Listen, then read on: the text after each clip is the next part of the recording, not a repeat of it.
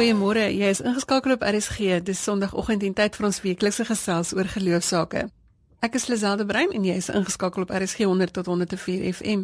Ons program vandag is propvol stories oor liefde en verhoudings en geestelike groei. En as jy 'n bydrae wil maak, kan jy saamgesels by 3343 teen R1.50 per SMS of los ons 'n boodskap op Sondagjoernaal se Facebookblad Ons gesels vanoggend met Dominee Janse van Rensburg en Dominee Colin Goeiman oor die seisoen van menswaardigheid en Dr Andre Vermeulen gaan vir ons verduidelik wat gebeur met die brein en ook ons verhoudings as 'n mens bid. Vanessa Skoomen vertel van haar verhouding met haar tiener tweeling en hulle geloofskeuses en binne dit swart het in Bloemfontein gaan uitvind hoe daar netwerke gebou word. En in laasens gesels ek met Dr Janie Leroux oor jou verhouding met jouself. Trek nader jou koffie en lekker luister. MUZIEK Ons gesels vanoggend oor die liefde en verhouding sien dit dat ons een van die dae Valentynsdag vier en saam met ons in die ateljee is Dominielis van Rensburg. Hy is voorsitter van die taakspan van die seisoen van menswaardigheid en verteenwoordig die NG Kerk Algemene Sinode Moderamen. Môre Nelis. Môre Lisel. En per telefoon sluit Dominie Colin Goeiman uit Pretoria by ons aan. Hy is lid van die taakspan van die seisoen van menswaardigheid en verteenwoordig die VGK Algemene Sinodale Kommissie. Goeiemôre Colin. Hallo Lisel. Nelis, jy gaan vanoggend so 'n bietjie my brein moet inklim want ek wil afskop met twee vrae. Ek wil graag weet waar kom die idee van die seisoen van menswaardigheid vandaan en hoekom sal ek julle nooi om op so 'n program oor verhoudings en liefde daaroor te praat? Die vorige algemene sinode het daar baie beweging gekom. Ek praat van die NG Kerk se in ons verhoudings tussen die vier kerke. Dis gefasiliteer deur Jerry Pillay van die World Communion of Reformed Churches in uh, die verhoudings nie gesprekke. En uit daai gesprekke uit het ons by 'n punt gekom wat ons gesê het wie ons deel soveel. En ons het gepraat oor die belydenis van Belhar en die betekenis daarvan vir die kerke en um, oor ons belydenis in die algemeen. En tot ons 'n groep mense geïdentifiseer gesê gaan sit julle saam en begin dink oor 'n manier hoe ons dit wat ons glo en dit wat ons bely 'n slag baie prakties kan toespits in die konteks van ons land daai groep het gegaan en diep gedink oor wat die skrif vir ons sê en oor ons konteks. En wat ons mos nou weet is, daar is soveel krisisse in Suid-Afrika met betrekking tot mense se lewenskwaliteit en mense se waardigheid. Gebrokenheid, miskenning van mense se waardigheid. Ons kinders in ons land is tot 'n groot mate in 'n krisis. Vroue daar's steeds 'n klomp rasse diskriminasie. Daar is um soveel ongeregtigheid wat plaasvind. En ons weet net die evangelie van Jesus Christus wys in 'n ander rigting. Daar is 'n alternatief. Jesus het gekom om mense vry te maak. Ons verkondig Jesus Christus. En uh, hy het ons nie net vrygemaak van sonde en vir ons ewige lewe bewerk nie. As jy kyk na sy bediening, dan sien jy hoe hy die mense wat op die rand is en wat uitgestoot is, en wat ehm um, misken word, wie se waardigheid in gedrang gekom het hoe hy na hulle uitreik. Vroue, kinders, siekes, gestremdes. En ons wil 'n navolging van Jesus, 'n beweging in ons land begin wat sê kom ons herstel ons waardes en ons respek vir mekaar. En ons gaan dit in liefde doen. Absoluut, en daarom is liefde een van ons waardes. Kan ons praat nou oor waardes. Jy het gekies om 'n aantal waardes te bevorder. Vertel vir ons daarvan. Ons het spesifiek gekies om vier waardes te bevorder: respek, luister, omarming en liefde. Nou, ek wil graag sommer by Neelas aansluit Dit is sê eintlik gaan dit om die feit dat Jesus eintlik vir ons eerste lief gehad het. By hom leer ons wat liefde is. Leer ons eintlik wat hierdie waarheid beteken. En die feit dat Jesus ons eerste lief gehad het, beteken dat ons kan na hom toe kom net soos wat ons is. En sy liefde is onvoorwaardelik en onbeperk. As ons so vandag gaan kyk in besonder verskillende situasies wat Nelis ook uitgelig het daar, is dan sien ons hoe, hoe baie gebrekkig is ons eie liefde. Dit is amper 'n soort van 'n vertoon liefde wat dikwels die waardes van die wêreld eintlik maar weerspieël. So die eerste vraag is dis nie hoe moet ons ander lief hê nie, maar eintlik het ons vir Jesus lief, né? Ek dink dit is uh, vir my baie belangrik dat 'n mens besef dat hierdie hele menswaardigheid proses is eintlik 'n geestelike proses. Dit gaan in die eerste plek daaroor dat dat ons moet eers gaan kyk na onsself en dat ons Jesus liefhet en dan Jesus toelaat om ons te omvorm en vir ons nie te maak sodat ons kan moduleer en uiteindelik vir die wêreld ook kan wys ja dit is moontlik om mekaar so lief te hê en dat hierdie waardes van respek luister omarming en liefde deur kan kom. Met uh, respek wil ons eintlik soos wat Jesus uh, die was van sy disippels se voete vir ons gewys het met daardie soort van nederigheid en daardie werklike diep respek vir mekaar met ons mekaar lief hê. Deur te luister is is ons maar weer eens soos wat Jesus geluister het. Jesus het geluister by die vrou van die put en ander mense wat verskillende nood na hom toe gebring het. Antwoord hy gee sy volle aandag en en en hy luister met dieper as net na die woorde. Ek dink dit is 'n soort van luister wat ons graag wil doen en vir mekaar wil mee help. Eh, omarming is ook daardie onvoorwaardelike aanvaarding. Dis amper soos die vader in die verhaal van die verlore seun wat totaal en al daai seun aanvaar met al sy foute en al sy dinge wat hy verkeerd gedoen het om hom net so te aanvaar. En uiteindelik uh, is dit die waarde van liefde, maar vir ons is dit besonder belangrik dat 'n mens begryp dat dit 'n selfopofferende liefde soos wat Jesus aan die kruis vir ons gewys het. Julle so waarvoor hierdie aksies grond? Is daar spesifieke areas waar julle met die kerk op moet fokus dan? Hulle is al tradisioneel is daar 'n aantal areas as 'n mens praat van menswaardigheid wat 'n mens onmiddellik aan dink. Kom ons dink byvoorbeeld aan vroue. Ons het miskien net vergeet, maar dis nie baie lank eers wat vroue byvoorbeeld stemreg in ons land het nie of gelyke werkgeleenthede nie, maar op talle vlakke word daar steeds teen vroue gediskrimineer eintlik is dit meer in die kultuur van ons land as wat dit noodwendige wetgewing is. Ja, die wyse waarop ons dinge doen, die gewoontes, die wyse waarop ons praat oor vroue en dan moet ons nou vir mekaar sê die misbruik van vroue is uitgebrei. En in 'n seisoen van menswaardigheid sal 'n mens dan uit die aard van die saak daarop fokus. Ehm um, geslagtelikheid is 'n groot kwessie in Suid-Afrika. Die hele ding oor homoseksualiteit spring altyd in die oog want ehm um, dis 'n onafgehandelde saak. Dis 'n saak waar ons nie finaliteit en klarigheid het nie. Terwyl ons al hoeveel keer gesê het dat God vir alle mense ewe lief is en dat God aan alle mense menswaardigheid toeken sonder uitsondering um, sal ons verder moet dink oor hoe ons dit in die praktyk praktiseer. Oor geslagtelikheid sal ons nog baie moet dink. Rasisme en wat daarmee saamgaan. Ons sien nou weer in Suid-Afrika is daar vlae van xenofobie. Daar's 'n klomp angs in die gemeenskap. Uh, dis 'n terrein. En dan armoede. Ek armoede en menswaardigheid lê teen mekaar. Mense wat in armoede uh, verval en wat um, in 'n armoede kultuur leef se menswaardigheid altyd 'n gedrang. En die kerk het groot erns om Jesus daarin te volg om armes se menswaardigheid aan te spreek en uh, mense wat in armoede leef. Gestremdheid is 'n is 'n kwessie. Dan is daar mense met HIV vigs, mense wat ly. Ons kyk ook na die ekologie, maar kan ek net gou sê, die kwessie strek oor alle grense. Ons sien op die oomblik hoe daar op plekke gediskrimineer word in Suid-Afrika teen wit mense, teen swart mense. Hoe daar nie altyd gelyke geleenthede is nie. Ons kyk na plaasmoorde. Die goed strek oor alle grense en ons sal baie baie baie goed moet dink as 'n nasie en as Christene in hierdie nasie. Hoe gaan ons die waardes in hierdie land waarin Jesus ons gelei het, hoe gaan ons dit herstel? Daar's 'n nuwe beweging, 'n kragtige beweging van Christene nou nodig wat op al hierdie terreine konsolideer rondom waardes. En ons het hierdie vier gekies waarvan Colin ons nou vertel het. Mm, en dis 'n proses om mense te leer om nie te dink oor goeders nie, want dit kan so gou vasval net in die Absoluut. in dit wat om hulle gebeur. Colin, hoe kan kerke deelneem aan hierdie aksie van julle aan hierdie seisoen van menswaardigheid? Hoe motiveer 'n mens mense? Wel, ek dink dit is in die eerste plek belangrik dat almal begryp maar dit is 'n saak wat so belangrik is dat ons eintlik net hierdie ruimte probeer skep vir almal om deel te neem. So ons kan preek, ons kan verskillende groepe begin waar mense net blootgewoon saamkom, saam aktiwiteite doen, saam kuier, saam met mekaar luister na die woord van die Here, saam bid ook en so aan, hè. En ek dink dit is waar ons on, onmiddellik al kan aan die gang kom. Ons beplan groot dinge soos sirkels wat 'n bietjie oor daai verskillende aspekte waaroor Nelis gepraat gepraat het, miskien oor geslag. Net gaan kyk hoe kan daardie waardes daar uh versterk word. Ons hoop om 'n klompie boeke uit te kry.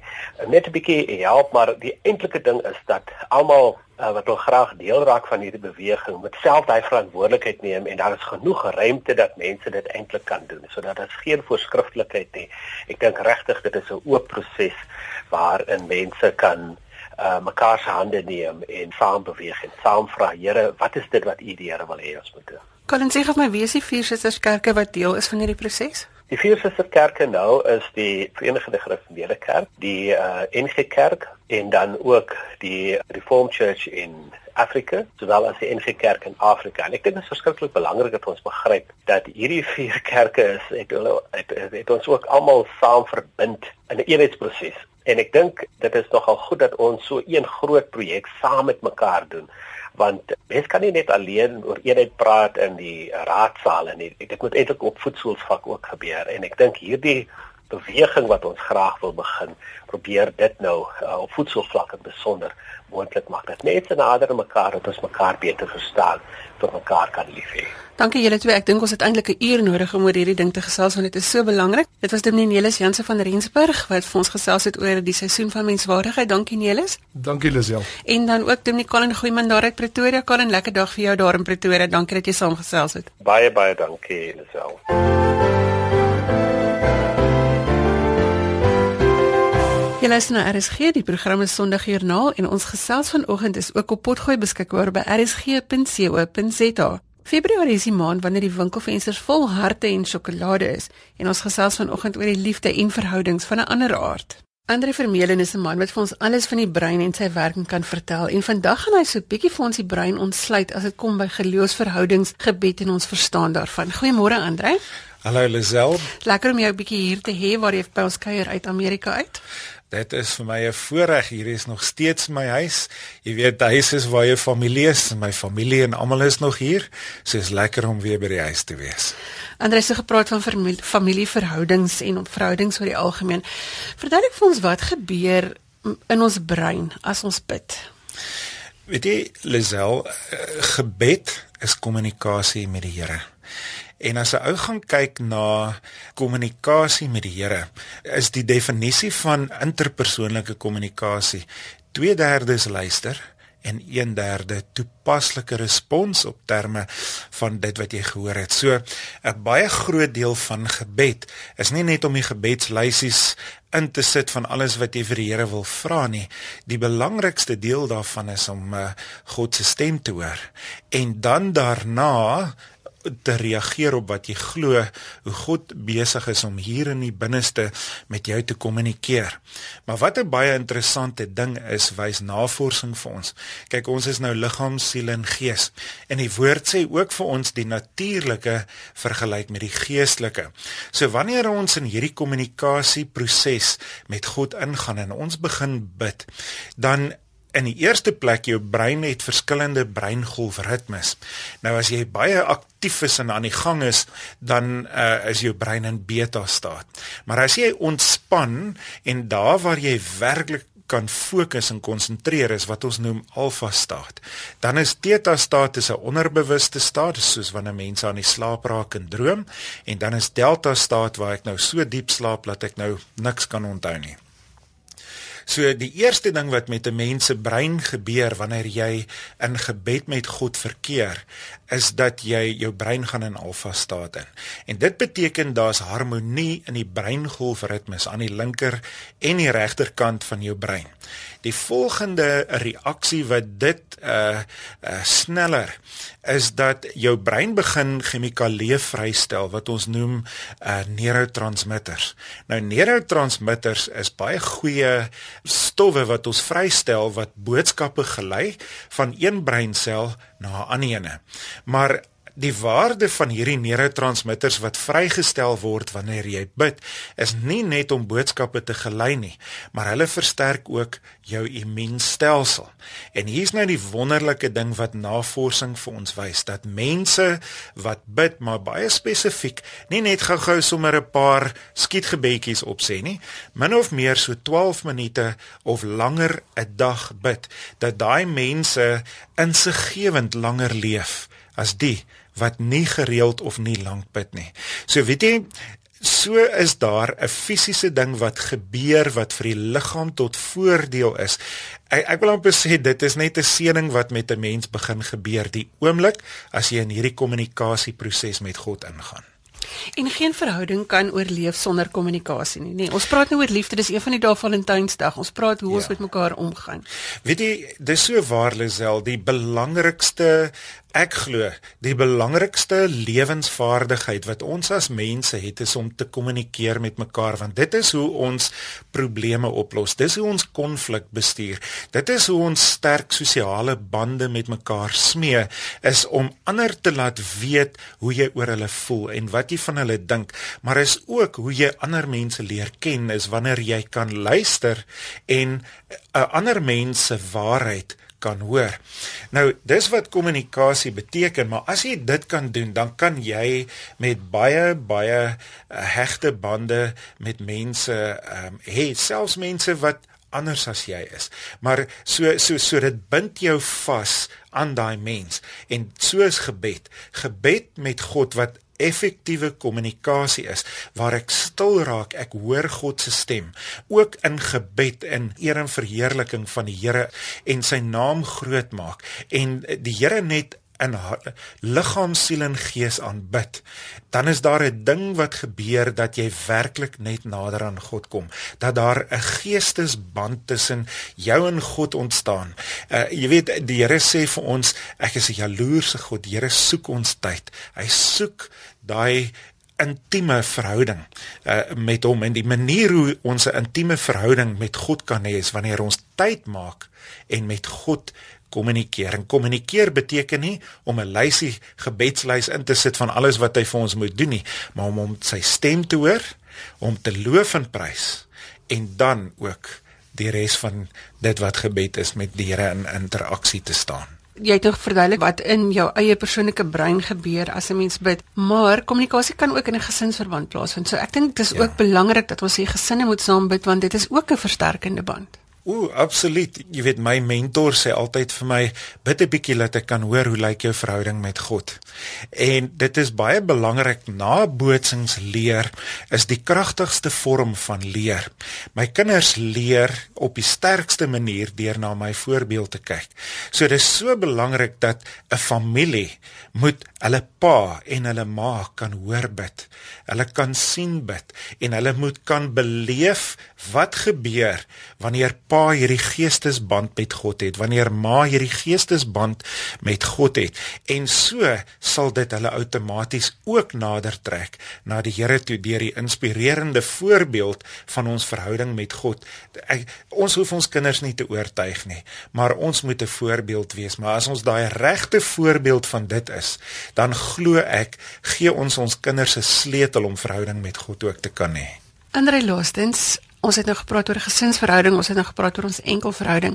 Hoe belangrik is dit dat jy met jou lewensmaat saam ook net in gebed voor God sal staan? Ek kan maar net uit my eie ervaring hier praat, maar toe ek en my vrou geleer het om nie meer net met mekaar te praat nie, maar regtig met mekaar te kommunikeer. Met ander woorde, ek moet eers na haar luister en dan 'n toepaslike respons lewer toe het ons verhouding baie sterker geword. Paulus sê wanneer jy trou dan word jy een. En uh, ons is liggaam, siel en gees. En 'n man en vrou, mense wat in verhouding met mekaar staan, word een ook liggaam, siel en gees. So daarom is dit van kardinale belang dat my vrou moet verstaan en besef en ervaar. Sy moet my leer ken op my diepste geestelike behoeftes. En as sy my kan hoor bid, dan sal sy sien wat is my verhouding met God.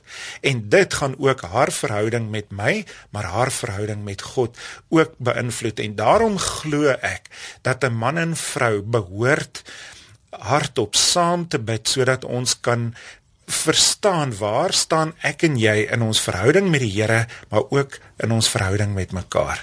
Want dit is mos maar die soos wat jy sal weet, dis altyd die driehoekie. Hoe nader ons aan die Here kom, hoe nader is ons ook aan mekaar, nê. Nee.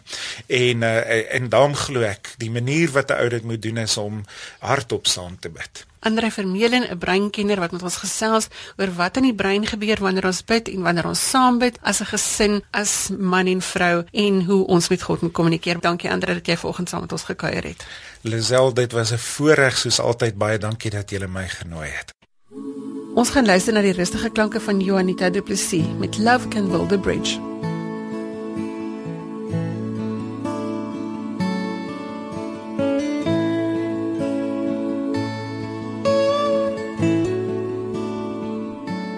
I'd gladly walk across the desert with no shoes upon my feet to share with you the last bite of bread I had to eat. I would swim out to save you in your sea of broken dreams when all your hopes are sinking. Let me show you what love means. Love can build a bridge between your heart and mine. Love can build a bridge. Don't you think it's time? Don't you think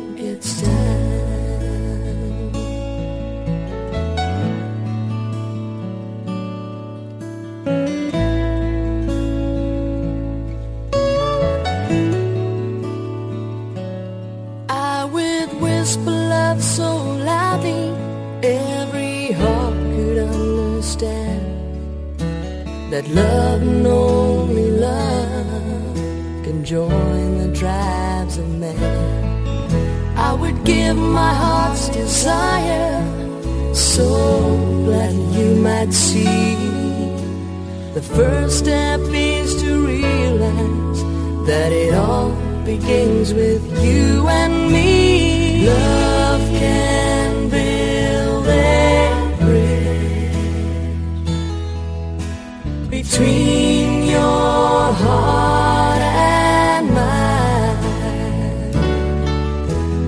Love can build a bridge. Don't you think it's time?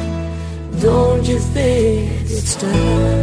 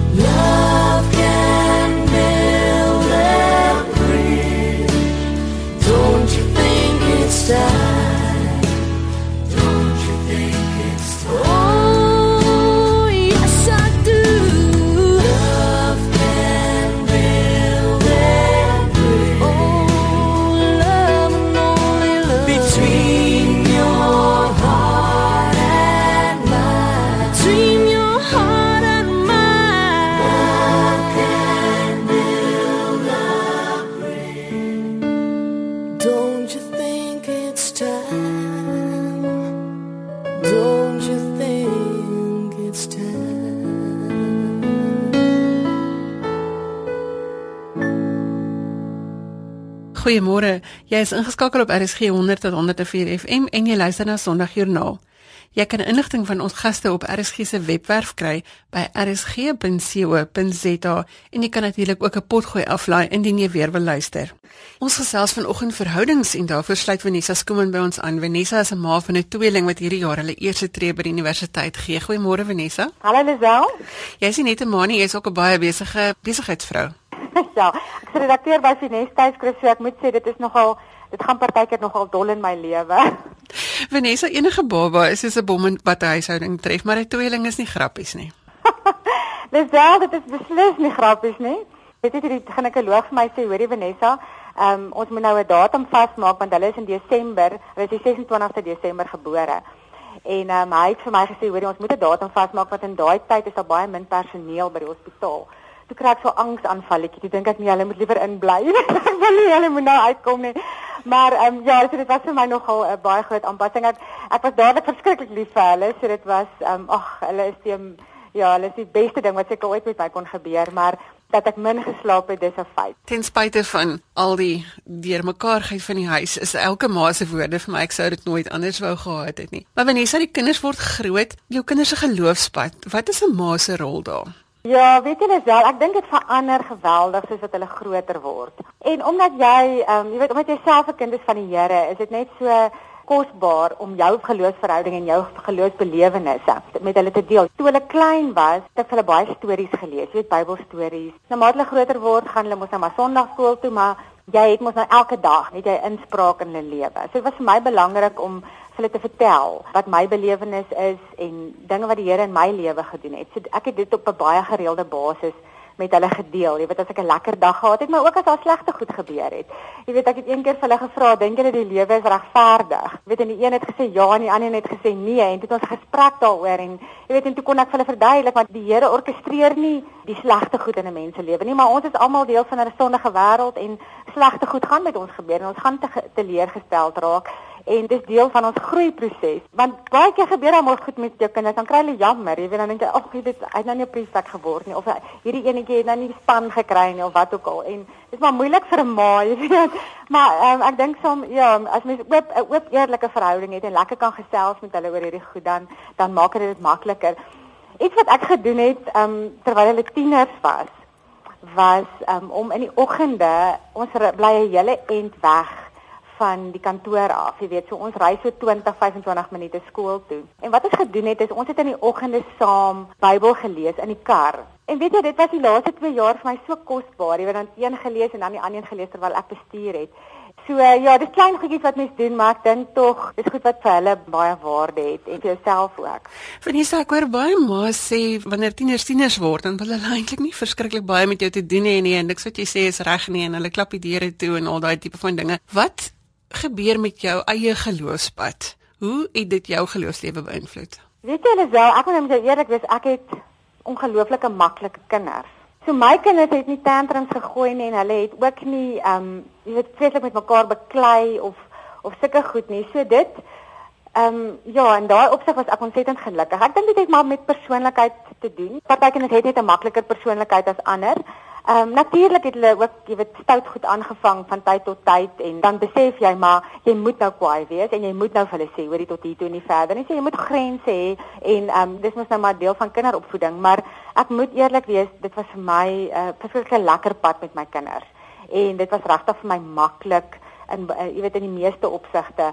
Ja, ek dink mens raak net tye moedeloos en dan moet jy partykeer kan jy maar net vir die Here wysheid vra. Jy weet ek het baie met my vriendinne ook gepraat wat kinders het en ehm um, jy weet en vir hulle een van my vriendinne het vir my gesê, weet jy wat jy gaan ehm um, skade doen aan jou kinders op 'n manier. Enige ma doen dit. Jy weet doen onwetend goed wat ehm uh, wat jy later dalk in jou lewe eens uitvind, maar jy dit was eintlik nou nie die regte ding om te doen nie.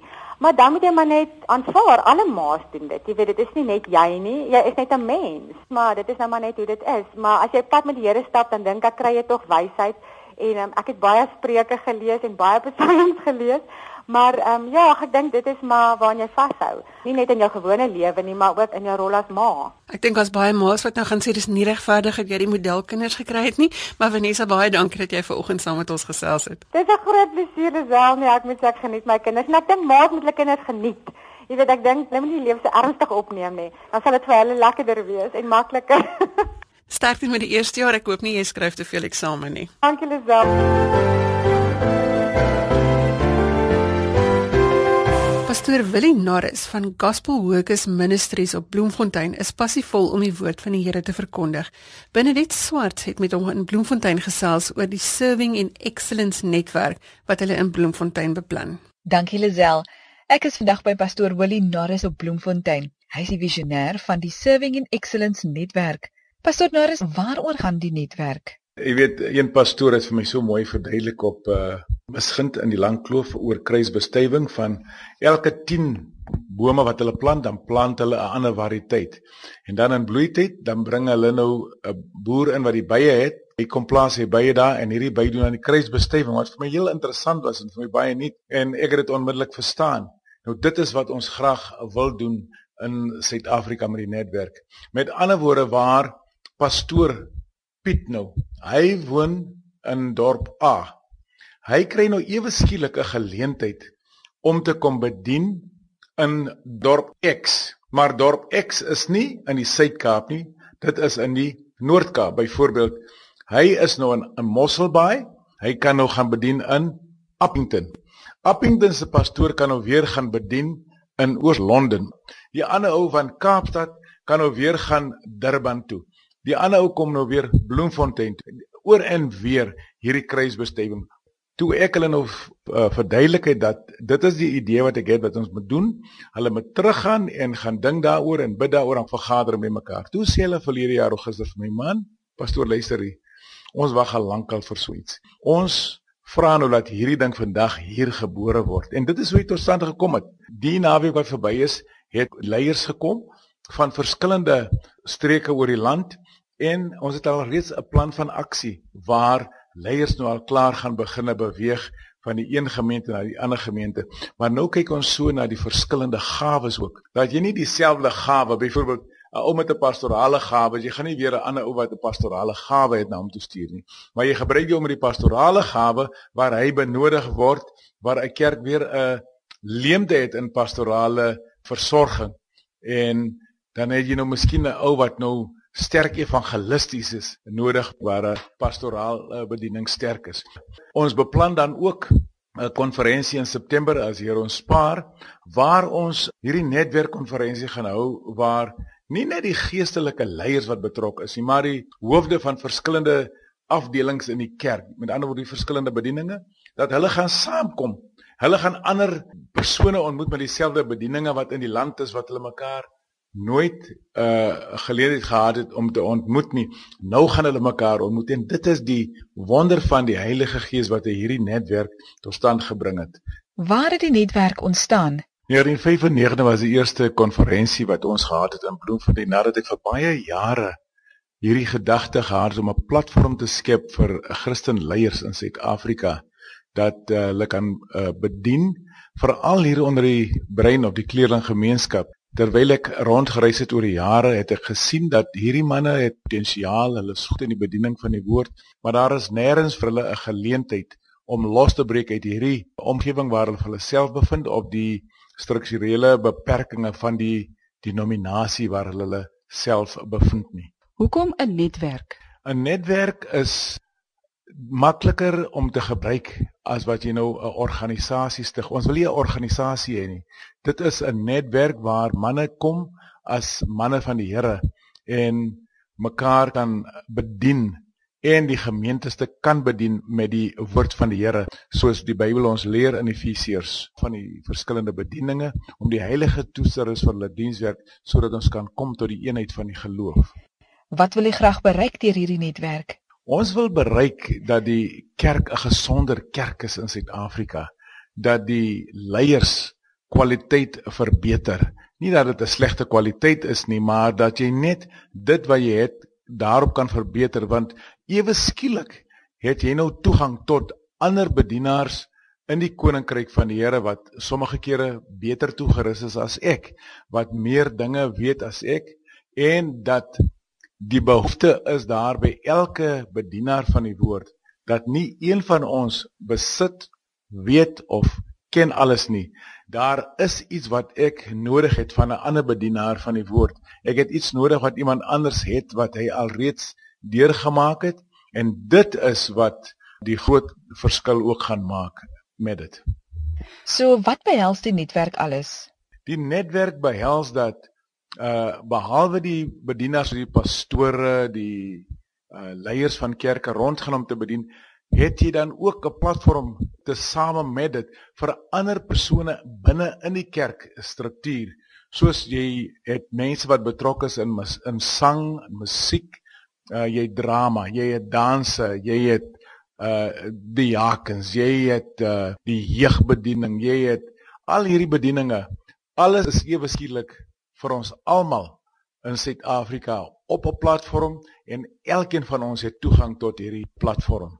Wat is die toekomsplanne vir die netwerk?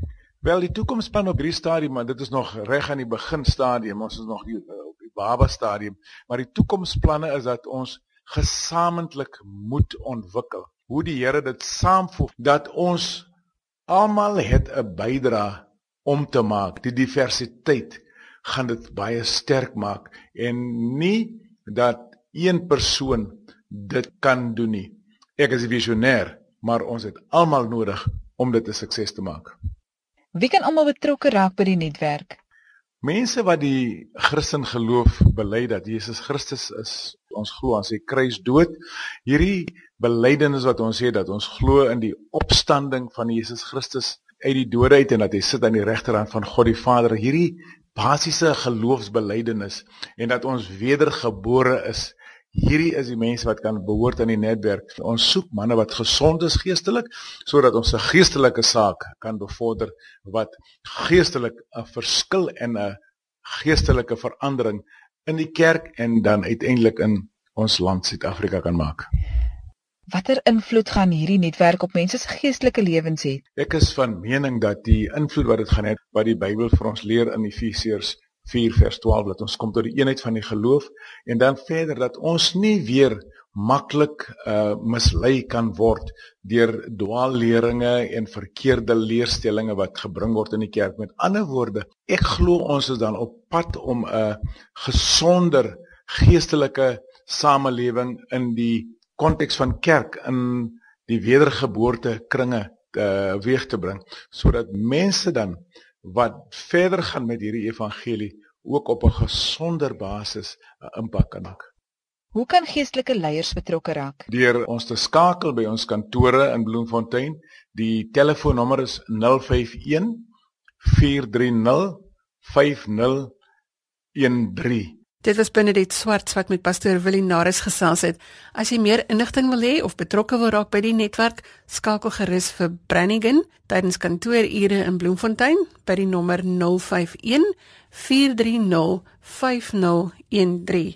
Dis Brannigan in Bloemfontein by 051 430 5013. Dr. Janie Leroux kuier vanoggend weer by ons in die ateljee. Goeiemôre Janie. Dis baie lekker om saam met julle te wees. Janie, jy het nou vir ons 'n paar dinge gesê oor vreugde en vanoggend wil ek vra. Baie mense dink hulle moet eers suksesvol wees voordat hulle gelukkig kan wees. Is dit so? Dis eintlik so bly jy lig hierdie punt. Ons normale reaksie is om te dink as ek 'n werk het of ek meer geld het of 'n beter posisie het, dan sal ek meer gelukkig wees of ek sal gelukkig wees as ek daai soort pos het. My dilemma is dit maak dat wanneer ons daai posisie het, dan kry jy weer nuwe doelwitte. Jy dink weer dieselfde gedagtes. So dit bly die hele tyd 'n bose siklus van maar ek sal gelukkig wees wanneer of as. So ons geneigtheid is om aanhoudend die suksesdoelpale te skuif en daarom bly ons ongelukkig. Is daar 'n oplossing hiervoor sodat mense gelukkig in hulle werk kan wees? Ja, gelukkig wys die navorsing deur onder andere Sean Eiker ons dat gelukkige bate is wat ons sukses positief beïnvloed. Eintlik baie meer as wat sukses ons geluk beïnvloed. Elke sukses of dit nou 'n verhouding of jou werk is, word gewoonlik meer as jy gelukkig is. Nou volgens Volgens sy navorsing lei 'n positiewe lewenshouding tot 23% meer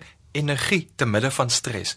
En hoor hierso, dit lei tot 31% hoër produktiwiteit, 37% hoër vlakke van verkope, 40% hoër waarskynlikheid om bevorder te word asook om langer te leef. So ons moet twee goed doen. Die een is om op te hou dat net sukses ons geluk gaan bring. Ons moet daai denke so bietjie vernietig. Daar's ander goed wat ook 'n rol kan speel om gelukkig te wees en te vloei, soos wonderlike relasies, energie om jou lewe betekenisvol te ervaar, om positiewe emosies te beleef, om in die oomblik te wees. En die tweede een is om te onthou, geluk bring meer geluk. Ja nee, met relasie bedoel jy eintlik 'n verhouding, nê? Nee? Ja, dit is die taal wat die ouens maar gebruik in die proefskrifte en dis meer so ek haak baie keer daarby aan. Ek weet ek moet dit net hier verduidelik want ons kry baie vrae oor die taal wat ons ja. gebruik. Ja. Verduidelik vir my jou stelling geluk bring meer geluk. Professor Barbara Frederickson van die Universiteit van Noord-Carolina het met navorsing gewys dat positiewe emosies soos nuuskierigheid, liefde, vreugde, tevredenheid, verwondering, opgewondenheid, al daai positiewe emosies verbreek jou aandagspan. Met ander woorde, jy sien dan meer geleenthede, jy sien meer potensiaal. Jy's meer kreatief, jy's minder geïntimideerd, jy's minder gestres en dit alles bevorder meer geluk, ook in jou werk want in jou werk kry jy dan nuwe idees, dit ontwikkel tot 'n nuwe gevoel van moontlikhede. Jy word nie so afgesit deur goeters nie. Die ander kant van die muntstuk is so, negatiewe emosies soos wanneer jy kwaad is, dit verklein jou aandagspan so jy net fokus op wat jou kwaad maak en wie dit is wat jou so irriteer. So negatiewe emosies verminder jou kreatiwiteit. Dit bring jou in 'n afwaartse spiraal waar jy meer angstig raak en meer enkel fokus raak, so jy verloor dit op die einde. Dis sonderdag en baie mense dink môre is maandag en ek is nou nie eintlik lus om werk toe te gaan nie. Hoe kan mense dan meer positief wees in en oor hulle werk? Stel vir jouself 'n uitdaging. Professor Barbara Frederickson van wie ek nou net genoem het, beveel aan dat jy jou positiwiteitsratio moet dophou. Nou is 'n vreeslike woord net om te sê hoe die een die positiewe verhouding met die negatiewe moet wees. Jou positiwiteitsratio is jou positiewe emosies wat jy dan deel deur jou negatiewe emosies. Met ander woorde, as jy vandag een positiewe emosie ervaar en jy het 4 negatiefes, dan is jou positiwiteitsratio 1 tot 4. En dit lê sterk dan met antwoorde na die negatiewe kant want die 4 die negatiewe is mos nou baie hoër. So om gelukkig te wees en te ervaar jy floreer, moet jou positiwiteitsratio 3 tot 1 wees. 3 positiewe goed vir elke 1 negatiewe ding. So ten minste 3 van daai positiewe ervarings. Nou met die navorsing oor een van die maniere om jou positiwiteit in jou werk te verhoog is om nuwe betekenis daaraan te gee. Met ander woorde, nie net om te dink ek werk om geld te maak en ag hemel as ek net hierdie werk kan los nie. Daar gaan geleenthede wees wat jy jou werk moet los in aanbeweging in jou lewe, maar dit moet jy met die Here helderheid oorkry. Die belangrike is om te sê, hoe pas my werk of my rol in in 'n groter prentjie? Met ander woorde, as God besig is om die wêreld te verbeter, te vernuwe, meer God se koninkryk te maak, hoe kan ek deur die positiewe goed wat ek in my werk doen, die bietjie positiewe dan, hoe kan ek my positiwiteitsratio verhoog sodat ek eintlik vir God help? So wat gebeur? Jy gee vir jouself betekenis. Jy gee vir jouself 'n rede om werk toe te gaan. En dit beteken ek is byvoorbeeld die beeld van God. Sê net my, ek is iemand wat ehm um, wat mense gemeer. Ek is die beeld van God. Ek help ander mense om al hoe meer van die beeld van God op 'n mooi manier te vertoon sodat 'n manier om elke dag uh meer positief in jou werk te wees is om drie goed in jou werk te kry waarvoor jy dankbaar is en vir Here dankie kan sê. Nou dit hoef nie net in jou werk te wees nie, op pad na jou werk toe dis 'n erkende oefening wat jou geluksvlak definitief verhoog want jy begin al hoe meer geleenthede raak sien as jy dit begin doen. Soek elke dag vir jou drie goed waarvoor jy dankie kan sê. Dit wek meer positiewe ervarings, maar hier's nog iets belangriks. Voor jy gaan slaap en dit help vir alles jy dit skryf. Dink of skryf dan neer watter drie suksesse, watter drie positiewe ervarings het ek vandag gehad? Wat het vir my met antwoorde reg verloop en hoekom? En wanneer jy dit goed doen, dan staan jy môre net meer op want jy gaan dalk meer van dit wees. Jy skep 'n verwagting. Binne 21 dae skuif jy die geheel in jouself. 'n Ander manier is om jou sterkpunte al hoe meer uit te bou en 'n lysie daarvan te maak en dit al hoe meer in jou werk te probeer uitleef. En natuurlik om 'n suksesjoernaal te hou. Neer te skryf prentjies te plak van waar was jy op jou suksesvolste? Hoe het ek in daai moment gevoel en weer net in jou kop terug te gaan na daai moment dat jy weer energie vir jou werk. Ek dink nie mens kan nie gebruik van 'n joernaal genoeg beklemtoon nie, want jy kan jou kreatiwiteit daarin laat uitval en dit is regtig sodat as jy terugkyk dan sien jy hoe God vir jou dinge gedoen het. Dinge mag vir jou nou donker lyk, maar jy sien hoe die antwoorde gekom het. Oh, en dit ja. bring my ook by die ding wat ons vir hierdie jaar wil beklemtoon dat uh, jy moet 'n verskil maak. Jy moet jou ja. lewe gebruik ja. om 'n verskil ja. te maak. In die joernaal is nie net iets wat jy hoef te skryf, jy kan prentjies aanplak. Uh in 'n sekere sin kan mense hulle Facebook begin inrig as 'n joernaal, want dan verander jy wêreld positief. Jy het nou verwys dat jy groter betekenis aan jou werk kan gee. Is mense se verhouding met God belangrik om jou werk positief te hanteer? Wat vir my lekker is van die wetenskap en nou die laaste tyd die positiewe sielkunde in die forme van wetenskap wat daarmee gepaard gaan soos die neurowetenskap. Al daai goed wys vir my hoe God ons aan mekaar gesit het. So ek is elke slag verstom as die ouens 'n klomp eksperimente doen sê, "O, dis hoe goed werk." Ek sê, "Yes, is dit hoe God dit reg gekry het?" Dit maak my geweldig opgewonde oor oor die wetenskap. Ons godsdienst slaag daarin om vir ons te help om 'n groter betekenis of storie aan ons lewe en dit wat met ons lewe gebeur te gee. So wanneer jy net op jou werk besig, is jy eintlik net besig om een aspek van jou lewe jou bron van geluk te maak. Maar die punt is, dis net jou werk, dis nie jou lewe nie. Jou lewe is baie meer as net jou werk. So daarom jy nodig te, om te verstaan, God gee betekenis aan die hele lewe Jou werk is hinterrein waar dit ook kan gebeur. So mooi sonsondergang is nie net mooi omdat die natuurwette nou wys nie. Dis juis omdat jy onthou, o, God is ook in hierdie groot storie. Ek het weer son vandag. Ek kan weet dit die Vitamiene D op my vel inneem sodat ek anders kan voel en minder depressief kan wees. Dis die groot storie van 'n liefdevolle God wat sy vir mense ontsettend liefhet en ons almal wil help om te floreer. En om te floreer, soos sal God jou herinner, het jy ook ander aspekte van vervulling van vreugde nodig. Soos om liefdevolle verhoudings te hê, soos om te oefen so jy meer energie kan hê, om jou energie te bestuur, om positiewe emosies te ervaar, die lekker van 'n roomhuislek, die proef van 'n broodjie, om jouself te gee vir 'n saak wat groter as jouself is. Hoe gaan ons se laaste gedagte inwerk om ons te help om ons weer meer te laat waardeer en geniet of selfs 'n aanpassing te maak? Navorsing help ons besef hoe belangrik jou ingesteldheid, jou sogenaamde mindset is. So werk met die ingesteldheid waarmee Paulus al sy moeilikhede kon hanteer. So haal diep asem. Jy sal onthou dit is belangrik vir my die asemhaling ding om jou te herinner die Heilige Gees is in jou en dan sê jy vir jouself soos Paulus gesê het, ek is tot alles in staat deur Jesus wat my krag gee. En as jy nog nie glo nie, sê dit weer vir jouself met meer asem en dan doen jy wat jy moet doen. Dit was Dr. Janie Leroux van die NG Gemeente Gordons Bay wat spesialiseer in inspirasie en geluk en hoe om dit in jou lewe te vind. Dankie Janie dat jy vanoggend saam met ons gekyk het. Baie dankie. Vir meer inligting oor vandag se program kan jy aansluit by Sondagjoernaal se Facebookblad. Jy kan gerus daar vertel van die interessante mense en dinge in jou geloofsomgewing. Of as jy wil, kan jy vir my e-pos stuur. Die adres is Lizel by Wordwise Media. Ek gaan dit spel. Dit is W O R D W I S E M E D I A. Wordwise Media alles een woord. .co.za. En daarmee het dit dan tyd geword om te groet. Onthou van die potgooi opsie op RSG se webwerf by rsg.co.za. Bly ingeskakel vir die 8 uur nuus net hierna. Ek groet namens produksieregisseur Neil Roo. Van my Liselde Brein tot volgende Sondag. Totsiens.